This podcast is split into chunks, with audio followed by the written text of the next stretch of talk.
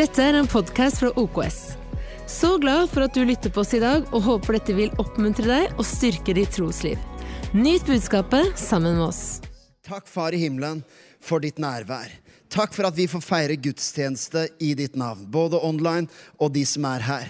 Jeg ber, Herre, om at de ordene som jeg snakker til hodet, at du åpner opp hjertene, Herre, og at du gjør det som ikke formuleringer eller menneskestemmer kan gjøre. Takk at du lever. Takk at vi tilber ikke døde statuer, bygninger, steiner, vesener, men vi tilber, tilber en levende pappa i himmelen, som kom ned og åpna opp en vei, så vi kunne ha fellesskap med deg erfare deg og få et helt nytt fundament i livet. Takk, Far i himmelen, for at ditt ord er levende og virksomt denne dagen i Jesu navn. Og alle sammen sa amen. Så bra. Vær så god, sitt. Det er helt nydelig.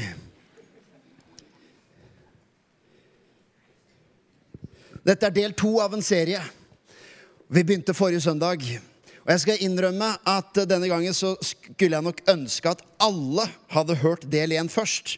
For de henger sammen. Men det er sånn i filmtrilogien Gudfaren så er den beste er del to.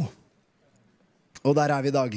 I Star Wars der begynner det riktignok egentlig ikke før del fire, men det er noe annet. Og enkelte filmer skulle gitt seg etter første del, og det skulle enkelte prekener også, men dette er ikke en av dem. Men vi snakker om et liv i tro som kanskje i den sesongen samfunnet har vært i, og kirken har vært i, så har vi sett kristne ha litt ulike oppfatninger av hva det er. Noen tenker at et liv i tro, det er et liv uten ansvar. Det er et liv der fordi Gud beskytter oss, så gjør vi nesten hva som helst og utsetter oss selv for risiko. Fordi vi nesten skal demonstrere at vi lever i tro.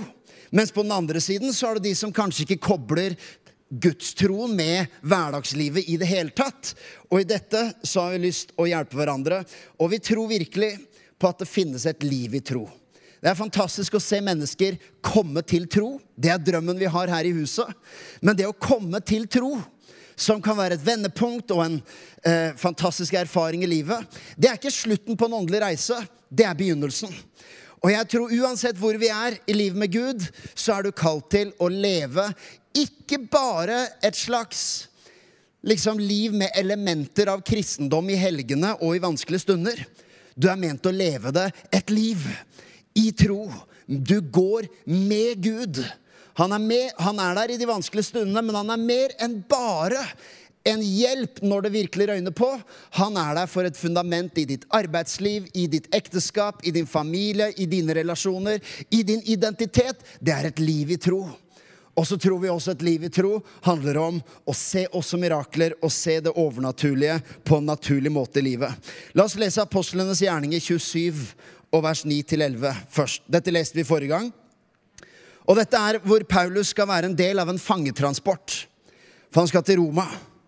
Vi hadde brukt lang tid, og det var ikke lenger trygt å ferdes på sjøen da det allerede var etter fasedagen. Derfor advarte Paulus dem og sa jeg ser at det å seile videre vil bety ulykke og tap av last og skip, ja, fare for vårt liv. Men offiseren stolte mer på kapteinen og eieren av skipet enn det Paulus sa. Dette snakker vi om forrige gang. At tro er ikke det samme som optimisme. Tro er ikke bare god stemning. Vi regner med at dette går bra, vi durer på. Tro er tillit til en relasjon, nemlig Gud far. Så det er mer enn en mental tilstand. Det er, det er, en veldig rasjonell konklusjon fordi jeg kjenner han som er med meg. Derfor har jeg tillit.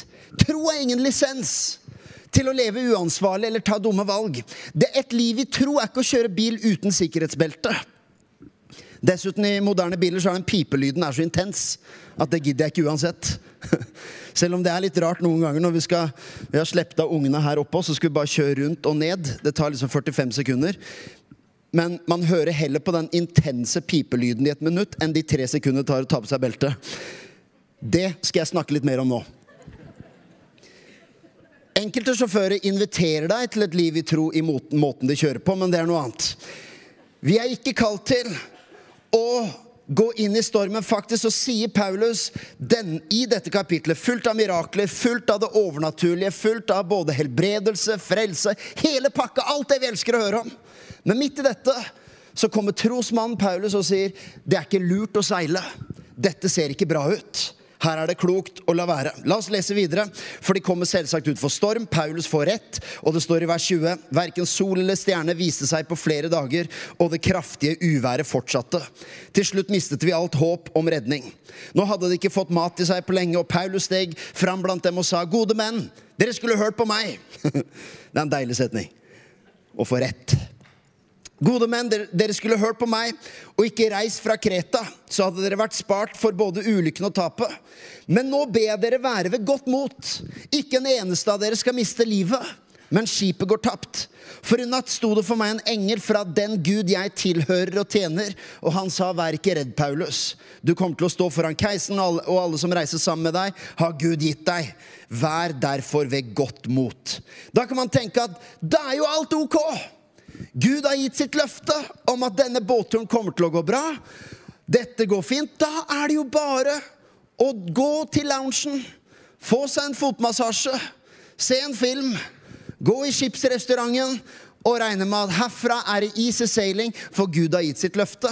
Jeg vet at ikke du nødvendigvis tenker sånn i ditt liv hvis Gud har gitt deg et løfte, og Gud har gitt deg et ord.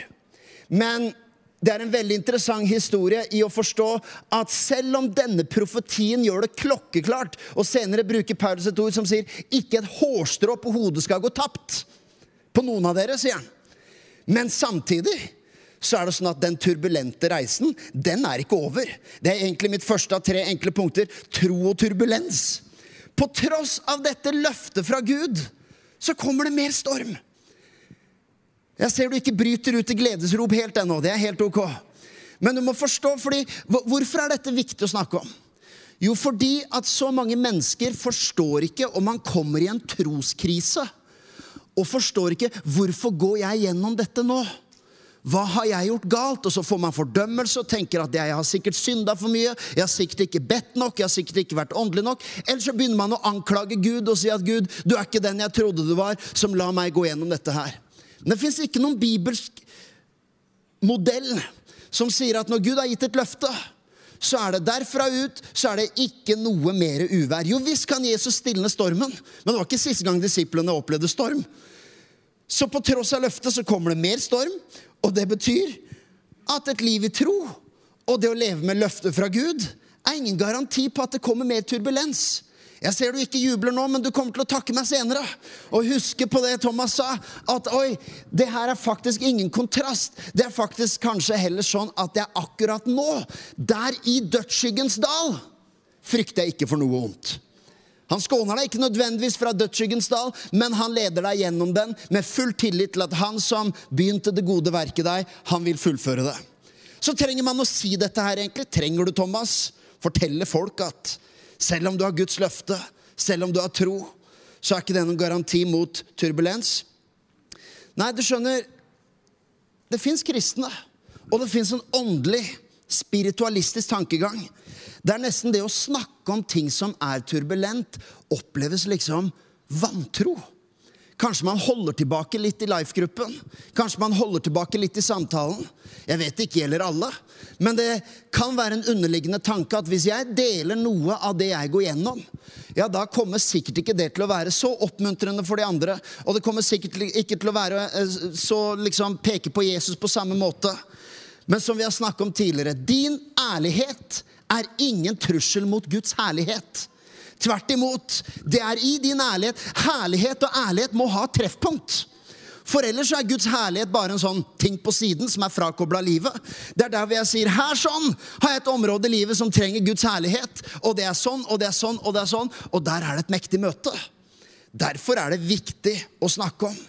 Ikke la tanken om et liv i tro nærmest bli en sånn ting som man demonstrativt skal vise de andre kristne hvor lite bekymra jeg er, og hvor få problemer jeg har. Det er helt utrolig hvor få problemer jeg har, for jeg lever et liv i tro. Nei, jeg tror ikke, Det er ikke tro i det hele tatt. Det er vårt ego som ønsker å imponere. Men den troen som vi får fra Jesus Kristus, det er ikke en tro som går rundt og imponerer våre trossøsken. Det er en tro som ikke er der for å imponere, men for å betjene, som det heter i OKS-koden vår. Og ikke på noe tidspunkt så prøver Paulus å liksom imponere folk på skipet. Han kobler de med Gud. Og han kobler de med Guds herlighet og Guds løfte. Ikke et hårstrå skal gå tapt. Men han gir de også noen veldig konkrete, visdomsfulle ting langs veien. Så la oss gå allerede til punkt nummer to. For ut fra Paulus sin modell, hva er da et liv i tro? Og det her skal 'bless your socks off', som noen av våre engelske gjestetalere har snakket om. Og det her er egentlig hoved, dette er overskriften. Bekymringsfritt og ansvarsfullt. Skal vi si det i kor, så jeg i hvert fall kan høre noe stemme fra deg? Én, to, tre. Bekymringsfritt og ansvarsfullt. Det var flere på online. Jeg kjente mitt hjerte var flere som ikke sa det. Så alle online kan si det nå. Ingen her. Én, to, tre. Det er fortsatt noen som ikke sier det. Det er, vet jeg, men eh, standhaftige hjerter har vi overalt. Her er spørsmålet. Paulus har profetert. Dette kommer til å gå bra. Våre liv går ikke tapt. Men samtidig, på et senere tidspunkt, så ser vi ved, ved, to anledninger Vi kan faktisk bare lese det hvis vi hopper til eh, Apostelens gjerning i 2730. Så er det på et tidspunkt prøver sjøfolkene å rømme skipet. Sjøfolkene forsøkte å rømme skipet, og de satte skipsbåten på vannet mens de lot som om de ville sette ankeret fra baugen. Veldig bra. Da sa Paulus til offiseren og soldatene hvis ikke disse mennene blir værende om bord, kan dere ikke bli reddet. Da kappet soldatene tauene som holdt skipsbåten, og lot den drive av. Den filmen må du se i huet, for her prøver de. De, de liksom faker eh, og setter liksom disse her båtene eh, på vannet og, og, er egentlig klar til å rømme. Og så sier Paulus fra at de her er i ferd med å rømme, og det må de ikke. For da er vi ute og kjører alle mann. Hvis de mest kompetente folka som kan styre båten, stikker, da er det greit. Da kan du be så mye du vil, men vi trenger de folka. Og da går soldatene bort og enkelt og greit kikker på dem. Jaså, gutter, dere er på vei av gårde? Dere blir her. de Kutter rett og slett tauene. Så står det i vers 33.: Mens de ventet på daggry, oppfordret Paulus alle til å spise. Det er et bra, trosfylt åndelig råd fra Paulus. Spis. For dere har gått uten mat i 14 dager og ventet og har ikke fått det minste i livet. Derfor råder jeg dere nå til å spise. Det er nødvendig for at dere skal bli reddet. Der kommer det igjen. Ingen av dere skal miste så mye som et hårstrå på hodet. Da han hadde sagt dette, tok han et brød, takket Gud mens alle hørte på, brøt i stykker og spiste. Alle fikk nå nytt mot, og de tok også selv mat til seg. Dette er et liv i tro. Det er å høre Guds ord, høre Guds løfte, høre sannhet, høre ord av håp og gjenopprettelse. Og gjøre praktisk visdom, som f.eks. å spise noe når kroppen trenger en ting. Det er visdom. Så kommer det um, vi, er, ja, vi er egentlig på vers 2. For her, nei, på punkt 2. For her er spørsmålet. Paulus har profetert dette kommer til å gå bra. Men så sier han også at hvis sjøfolkene stikker, så kan vi ikke bli reddet. Og hvis dere ikke tar til dere mat, så kan vi ikke bli reddet. Og mitt spørsmål er kommer det til å bli som Gud har sagt? Eller har de saken i egne hender? Den skal vi tenke på til neste uke. Kommer det til å bli som Gud har sagt? Eller har de saken i egne hender? For Paulus sier at det kommer til å gå bra, men han sier også hvis disse sjøfolkene får dra, så kan dere ikke bli reddet. Så her er to ytterpunkter i hvordan man forstår livet. Og to ytterpunkter i tanken om hva er det som avgjør livet mitt. Hva er det som bestemmer hvilken retning jeg går, hvilke ting som skjer. Og de to ytterpunktene, på den ene siden har du det som heter fatalisme. Det er et litt sånn dramatisk ord, men det, en, det kan komme i ulike grader. Men det er tanken om at alt som skjer, er opp til Gud.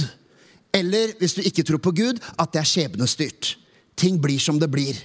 Skjebnen har bestemt. Det er sånn som du ser i visse romantiske filmer. Skjebnen har bestemt at oss to skal være sammen. Så sier den andre jo, men vi har ulike skjebner. Farvel.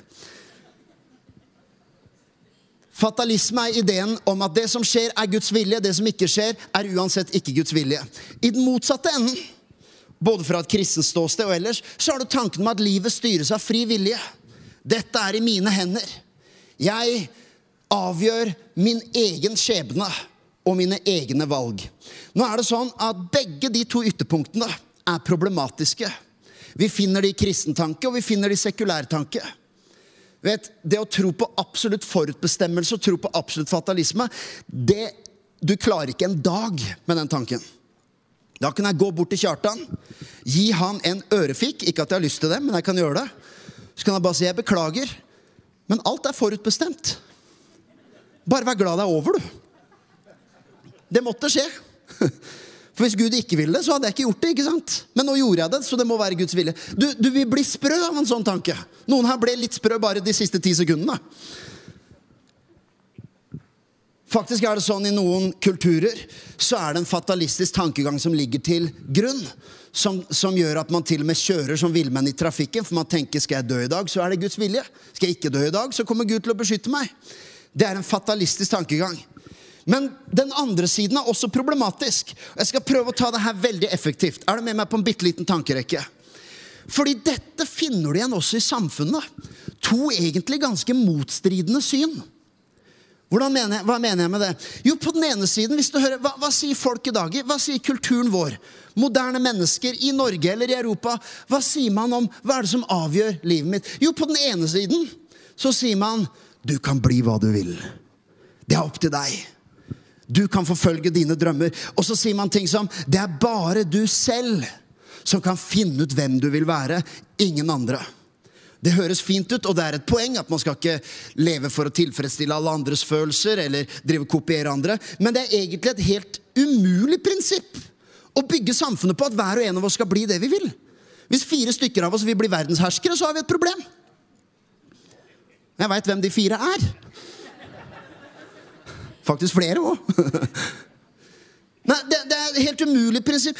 En av grunnene til at det er umulig, er fordi vi ikke alltid vet hva vi vil og hvem vi er. Da jeg var 14 år, så ville jeg gifte meg med Martha Louise. Det er sant. I dag innser jeg at det er veldig urealistisk, og ikke noe jeg ønsker heller. på noen som helst slags måte. Det var, det var egentlig det som var poenget. At jeg er så glad at det ikke ble sånn som jeg ønska. Og jeg skjønner det hadde vært fryktelig vanskelig, men som jeg har sagt før, jeg skulle gitt han derre Durek reell konkurranse.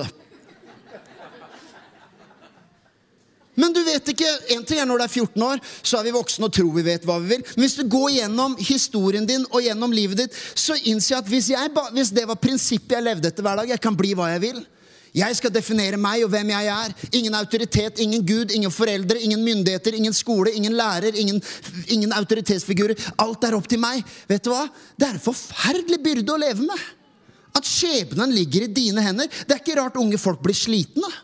Du skal finne ut hvem du er. Du må finne ut din identitet. Du skal finne ut sånn og sånn. Du må finne liksom riktig uttrykk av alle dine følelser og din personlighet.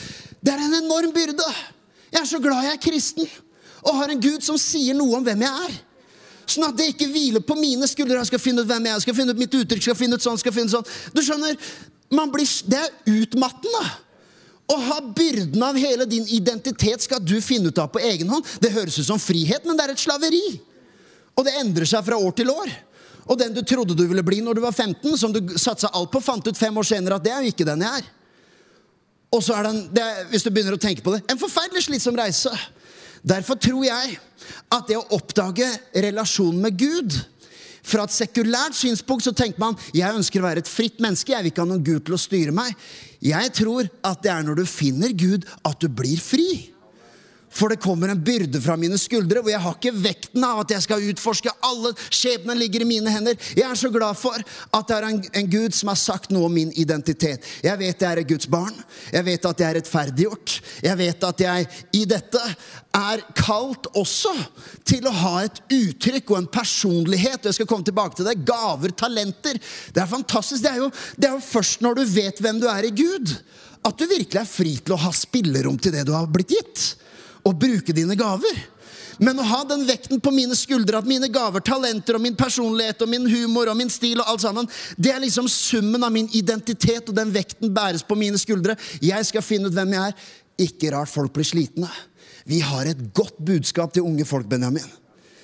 Det er ikke sånn at ja, folk, folk unge i dag er ganske fri, men dessverre har vi et budskap som kanskje gjør at de må forplikte seg litt. Nei, nei, nei. Den sønnen setter fri. Han blir virkelig fri. Det er i Jesus du blir fri og få spilt ut alt det som Gud har lagt i deg også. Jeg tror det, jeg tror helt oppriktig det er en enorm byrde på individet som gjør at så mange unge også er deprimerte og stresset og bærer hele denne vekten på sine skuldre. Men så er det en selvmotsigelse i samfunnet òg. På ene siden sier man alt er opp til meg, og jeg kan bli hvem jeg vil, og jeg skal finne ut, liksom, jeg skal uttrykke min identitet. Men på en annen side så sier samfunnet også det motsatte. Og nå er ikke jeg her for å felle dom over noen. Jeg bare betrakter Du vet jeg er filosof, jobber 20% stilling som filosof på mandager. Og jeg bare betrakter at samfunnet sier du kan bli hvem du vil, og det er bare opp til deg å bestemme hvem du er. Men så sier man samtidig jeg kan ikke noe for det, jeg er født sånn. Dette er den jeg er. Det er ingenting jeg kan kontrollere, sier man. Om visse typer ting, kanskje visse følelser man har, så sier man det er bare sånn jeg er født. Egentlig, det man sier, er den jeg er, er allerede bestemt. Evolusjonister tar den tanken helt ut som faktisk mener det rent, vitenskapelig at dine handlinger er i samsvar med evolusjon og genetikk og arv og miljø. I bunn og grunn så er du ganske programmert i din atferd. Sier folk uten Gud. Ut fra den teorien så tenker jeg Uten troen på en gud, hvis du kun tror evolusjonen og vitenskapen, så er du ikke fri i det hele tatt. Du er programmert. Du er frukt av evolusjonens naturlover. Og her er du, med ditt DNA og arv og miljø og påvirkning, programmert til å gjøre det som du skal gjøre. Det er egentlig en selvmotsigelse i samfunnets tanke. Realiteten av en gud som har skapt meg. Hvis du, Vær med meg nå! Du må Ikke bare tenke at Thomas er festlig filosofiske tankene han har. Vær med meg nå! Det er jo realiteten av en herre og Gud som plutselig gjør at du ser at du er fri. For nå har jeg et fundament å stå på. Verden hviler ikke på mine skuldre. Det står ikke og faller på meg. Kommer å Verden kommer ikke til å kollapse på grunn av meg, eller, på, eller kollapse på tross av meg, eller reddes på grunn av meg. Jeg har en Gud jeg kan stole på, sette min lit til. Hans løfter består. Og på den plattformen kan jeg leve. It's freedom! Du nesten malte meg med en sånn Braveheart-farger i fjeset nå. Det var mye filmreferanser i dag. At det kun er deg som kan definere hvem du er, det er en enorm vekt. Og det er bunnløs bekymring når du ikke vet hvem du er, eller du opplever at ikke alle omgivelsene bekrefter deg. Det er også nydelig som kristen. er at jo visst, Vi trenger selvsagt også andre mennesker. Det er ikke sånn at jeg, jeg bare Gud, så jeg trenger ikke at folk er glad i meg. Vi trenger oppmuntring, bekreftelse og aksept. Men jeg har et annet fundament. Fordi jeg er ikke like avhengig. Hvis, min, hvis, jeg ikke tror på Gud, og min identitet hviler på mine skuldre, så trenger jeg å få en stemme et eller annet sted.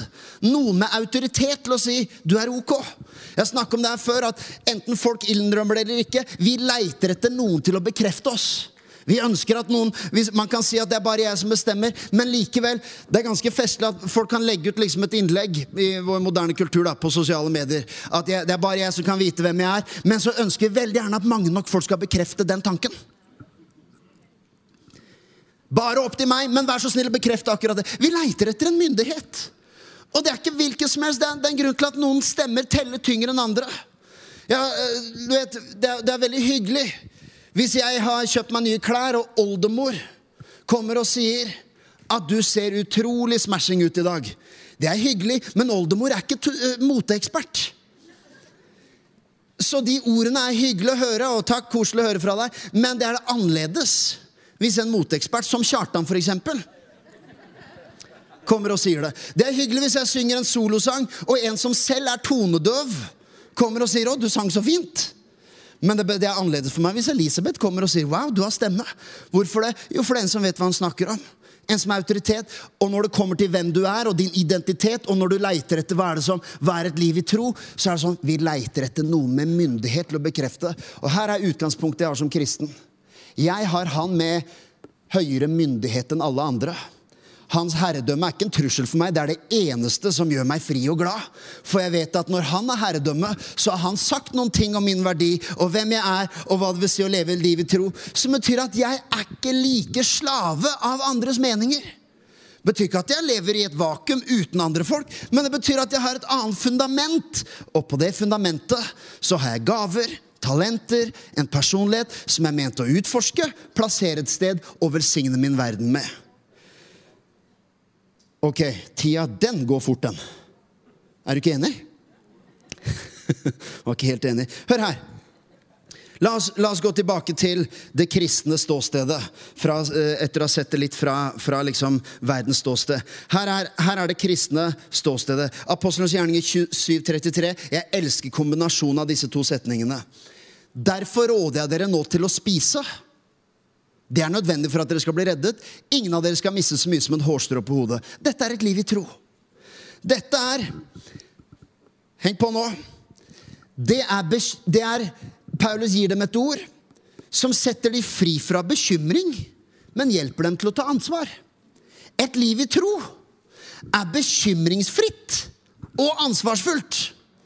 Ikke bekymringsfullt og ansvarsfritt.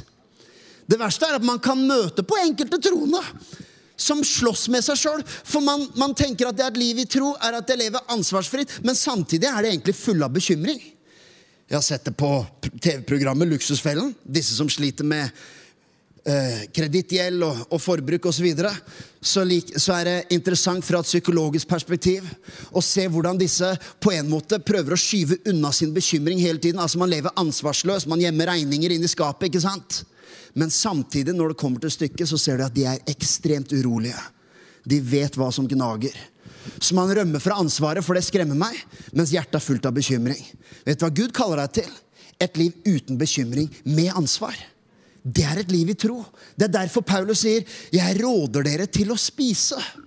Jeg råder dere til å ta i dere fysisk mat, men her kommer løftet. Ingen av dere skal miste så mye som et hårstrå på hodet. La meg gi deg et eksempel til på hvordan et liv i tro er å leve uten bekymring, og på det fundamentet kan du leve med ansvar. For når Jesus sier misjonsbefalingen, så sier han 'meg er gitt all makt i himmel og på jord'. Det kan liksom antyde litt den herre Hvis jeg har liksom fri vilje og så Guds vilje, så kan man si Gud sier 'meg er gitt all makt i himmel og på jord'. Man tenker 'ah, konge'. Da trenger ikke vi å drive og arrangere gudstjenester. Gud har all makt. Ferdig snakka. Trenger ikke å dele troen med noen. Gud har jo gitt all makt. Nei, så står det 'meg er gitt all makt'. Gå derfor ut og gjør alle folkeslag til disipler. Meg er gitt all makt. Det er ordet vi står på, som gjør at jeg bekymrer meg ikke. La meg hjelpe deg, deg som Dette gjelder kanskje bare et fåtall. Og kanskje det var litt mer vanlig før. Men jeg har møtt på troende som forteller om det traumatiske ved å føle at ansvaret for alle menneskers frelse ligger på mine skuldre. Har du møtt noen sånne kristne noen gang? Som føler Noen har beskrevet det sånn at man kanskje man skulle liksom gå til jobb på morgenen eller ta trikken, men så følte man at alle menneskene som går fortapt uten tro, det liksom hviler på meg. Hvis jeg virkelig hadde gjort det som jeg skulle, så hadde jeg stilt meg opp her på Stortorvet og forkynt for alle sammen. Men vet du hva? Når Gud sier 'meg er gitt all makt', så må du forstå at det er det som gjør at du kan leve uten bekymring. Og vet du hva? At når det kommer til det å evangelisere, når det kommer til menneskers frelse, så er det beste fundamentet å gjøre det på, det er uten skam og bekymring for at hvis ikke jeg gjør det, og hjelp, da står jeg til ansvar, men det er å roe deg ned litt. Og ta en hellig chill-pill og forstå at Gud har all makt. Vet du hva? Det er ikke sånn at endetiden står og faller på mine valg. Så viktig er jeg ikke. Gud har gitt meg fri vilje, men han kommer ikke til å tillate at min frie vilje kommer til å ødelegge hans gode plan. Derfor så kan jeg hvile i det faktum at Gud har gitt all makt. Han har kontroll. Jeg kan ikke rote det til. Han har kontroll. Det er ingen bekymring. Og på det fundamentet så kan jeg gå ut og ta ansvar og dele gode nyheter med mennesker. Ikke fordi verden kollapser hvis jeg ikke gjør det, og hvis jeg ikke gjør det, så kommer ikke Guds vilje gjennom. Nettopp fordi Guds vilje er det jeg har min tillit til, så kan jeg få lov å handle på det og gå i det og dele troen min med mennesker. Er ikke det en befriende ting? Ta, eh, nå, nå, skal jeg, nå skal jeg med vilje provosere noen. Miljøsaken. Ja, nå ser jeg noen er nervøse her. Nå ble noen skikkelig nervøse. Ikke ta politikk i kjerka. Nei, jeg skal ikke det. Det er teologi. Noen sier Gud har full kontroll på miljøet. Det er ikke noe vi trenger å bekymre oss for. Vi trenger ikke å tenke på verken utslipp, forsøpling. Tror du virkelig at Gud, som skapte jorden, skulle liksom la den gå under? Nei, selvsagt ikke. Miljøsaken er ikke noe for kristne. Det er det ene ytterpunktet. Meg er gitt all makt, så la oss blåse miljøet. Men så er det det andre ytterpunktet, som også unge mennesker er utsatt for i dag. Det er jo at ansvaret for verdens undergang ligger på meg.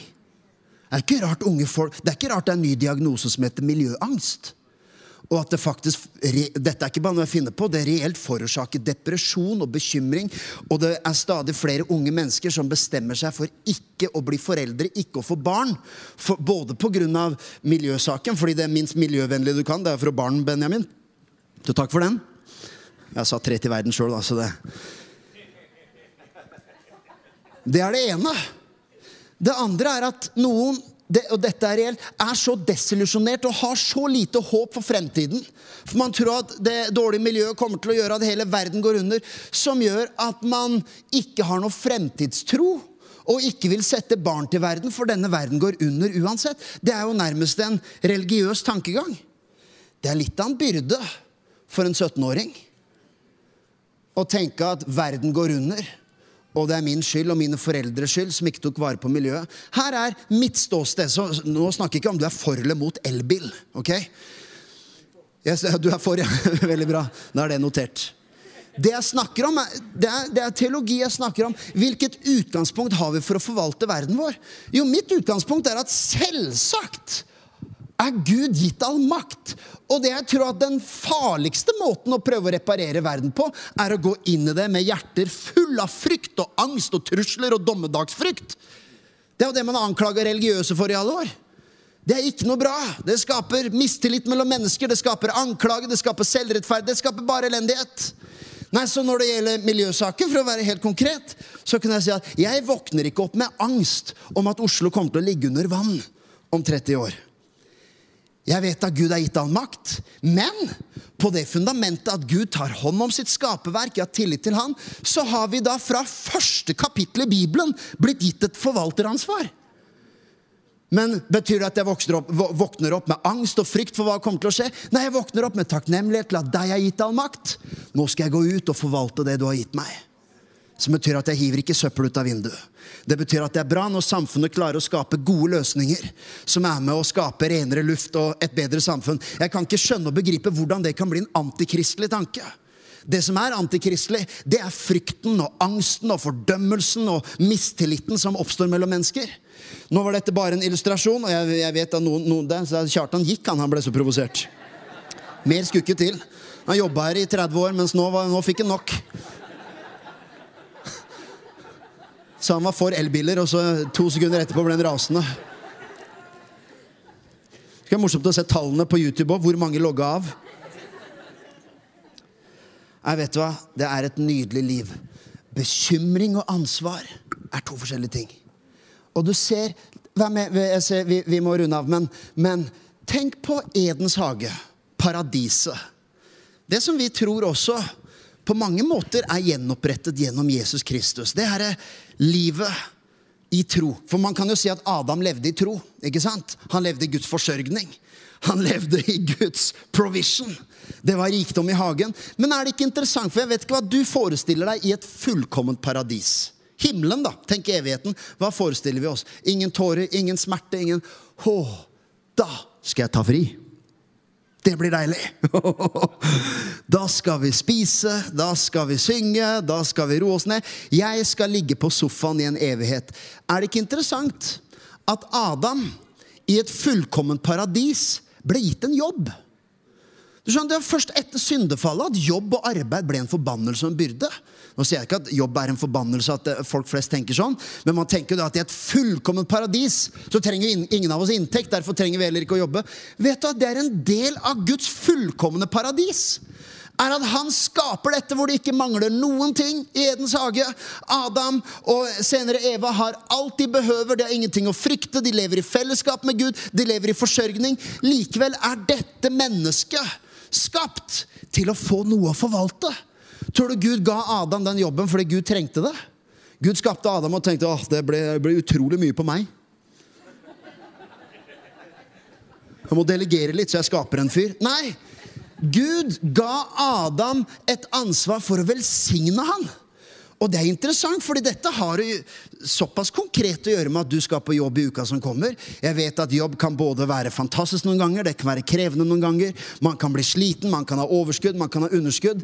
Men det er viktig å forstå at et liv i tro, fra Guds perspektiv, så er det arbeidet du har fått, det er ikke et nødvendig onde fordi vi trenger penger. Nei, det er en velsignelse, for Gud har skapt deg til å forvalte. Gud har skapt deg til ansvar. Men han har også skapt deg til å leve uten bekymring. Så Gud skapte deg derfor. Det står i Matteus 6,33.: Søk først Guds rike og hans rettferdighet. Vær ikke bekymret for morgendagen, står det. Les hele kapittel 6. Vær ikke bekymret. Se på fuglene og se på, se på naturen osv. Hvordan Gud forsørger for deg. Selvsagt vil han forsørge minst like mye for dere. Så, så øh, øh, søk først Guds rike og hans rettferdighet, så skal dere få alt det andre i tillegg. Skjønner Alt det andre er også at du har fått noe å forvalte. Adam han gikk ikke rundt og var veldig bekymra når Gud sier Gud gir han til og med ansvar til å gi navn på dyra. Og på hebraisk er det et navn. Det betyr også en funksjon. Så når han sier liksom Gud viser Adam dyra, eh, og Gud sier at Adam kan gi dem navn, så er det ikke bare 'den skal hete elefant'.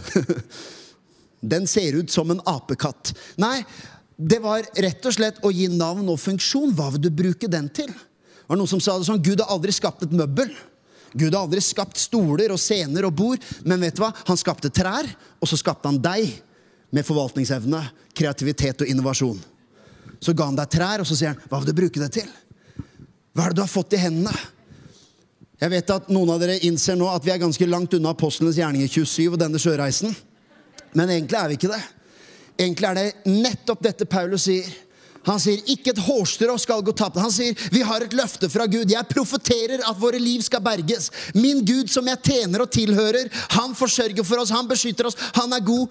På det fundamentet nå skal vi spise. Nå skal vi hindre de folka her i å gjøre mytteri og stikke fra båten vår. Nå skal vi lede og ta ansvar og forvalte. Det er en, et liv i tro. Det er et rikt liv. Det er fantastisk. Og et fullkomment paradis. Du skjønner, det var fullkomment. Og Adam ble betrodd noe. Og det er jo, hvis du, hvis du har en veldig teologi med at Gud er allmektig, han styrer hver minste lille detalj Det er interessant at første Mosebok sier at det navnet Adam ga dyrene, så sa Gud bra, ok, vi tar den. Det navnet Adam ga, det fikk de til navn, står det. Tror du Gud hadde gått tom for ideer? Ja, nå veit jeg, nå vet jeg jammen ikke hva jeg skal kalle de neste lasset med dyr her. Det blir for mange navn. Adam, kan du hjelpe meg? Nei, han betror jo i sin godhet betror han Adam et ansvar.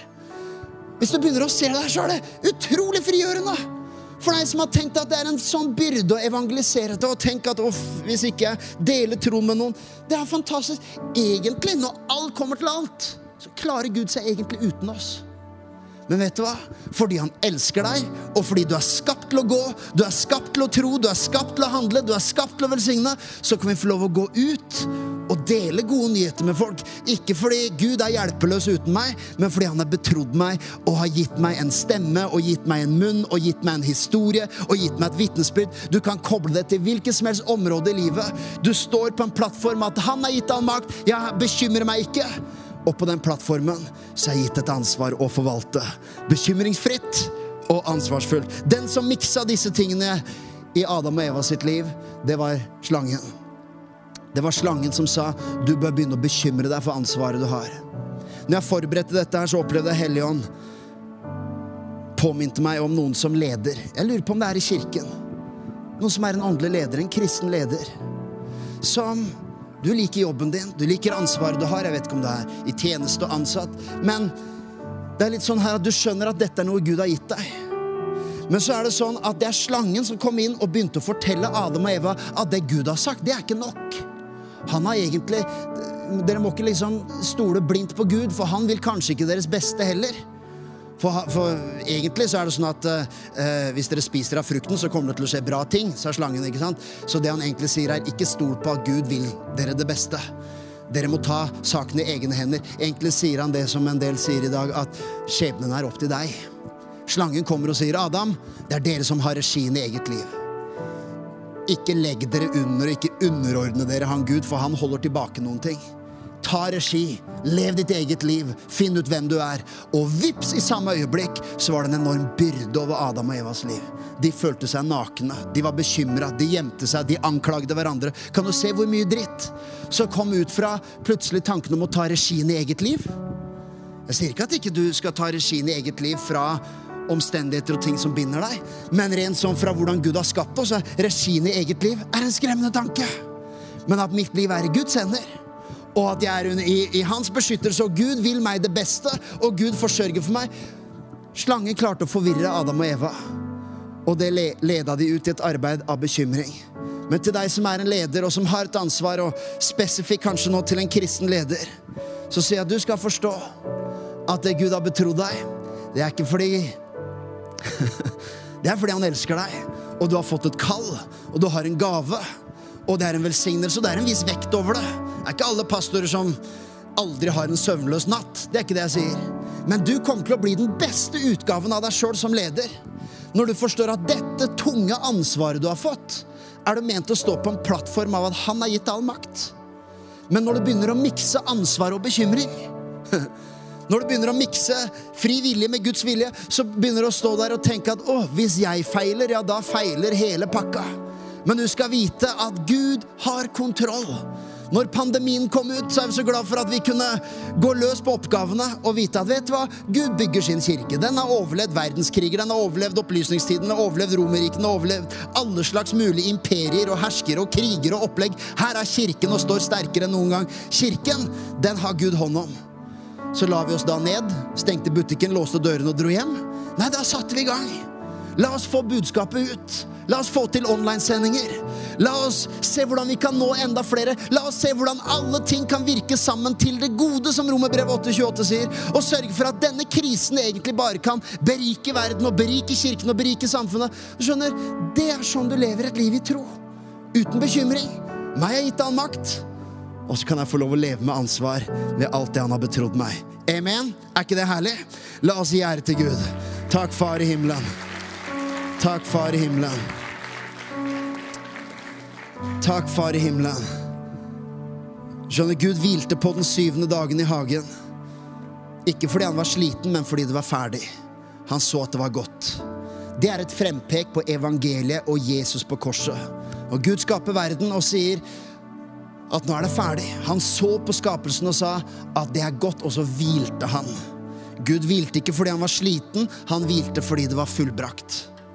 Og det er det som skjer på korset. Når Jesus roper ut 'Det er fullbrakt'. Jeg har brukt den illustrasjonen at et kristent løp, en kristen reise Nå er det mange løp og konkurranse, for nå er vi midt i vinter-OL. Men det kristne løpet starter med seier. Du har vunnet på startstreken. Og siden du nå har gullmedaljen rundt livet, for det er fullbrakt, det er ferdig, det er i mål Men på det fundamentet, da kan jeg løpe. Trenger ikke sammenligne meg med noen gang. Jeg har vunnet alt. Om jeg feiler litt og, og det går litt sakte, trenger ikke bekymre meg, for jeg har allerede vunnet. Det er fullbrakt. Så da, det er det beste utgangspunktet for å løpe ditt beste løp. Er jo å starte løpet med å vite at du allerede har vunnet. Det er et liv i tro. Og det er det Jesus roper ut på korset. Det er fullbrakt. Det er det vi inviterer alle mennesker til hver eneste søndag. Egentlig hver dag hele uka. Men hver søndag så gir vi folk en anledning og gir respons. Alt det jeg har sagt i dag, står på fundamentet av at Jesus ropte ut 'Det er fullbrakt'. Meg er gitt all makt. Vi kan hvile det, ikke pga. våre moralske prestasjoner, men fordi Jesus tilfredsstilte alle krav til rettferdighet. Ingen synd jeg har gjort, kan noen gang skremme Gud bort. Ingen god gjerning jeg har gjort, kan imponere Gud ned. Jeg kan bare komme som jeg er, ta imot Hans nåde. Takk for at du tok deg tid til å lytte på en av våre podcaster fra OKS. Vår visjon er å bringe Jesus til mennesker i vår verden, og mennesker i vår verden til Jesus. Følg oss ellers på vår YouTube-kanal og sosiale medier. Du er velkommen til å besøke en av våre kirker. For mer informasjon, sjekk ut oks.no.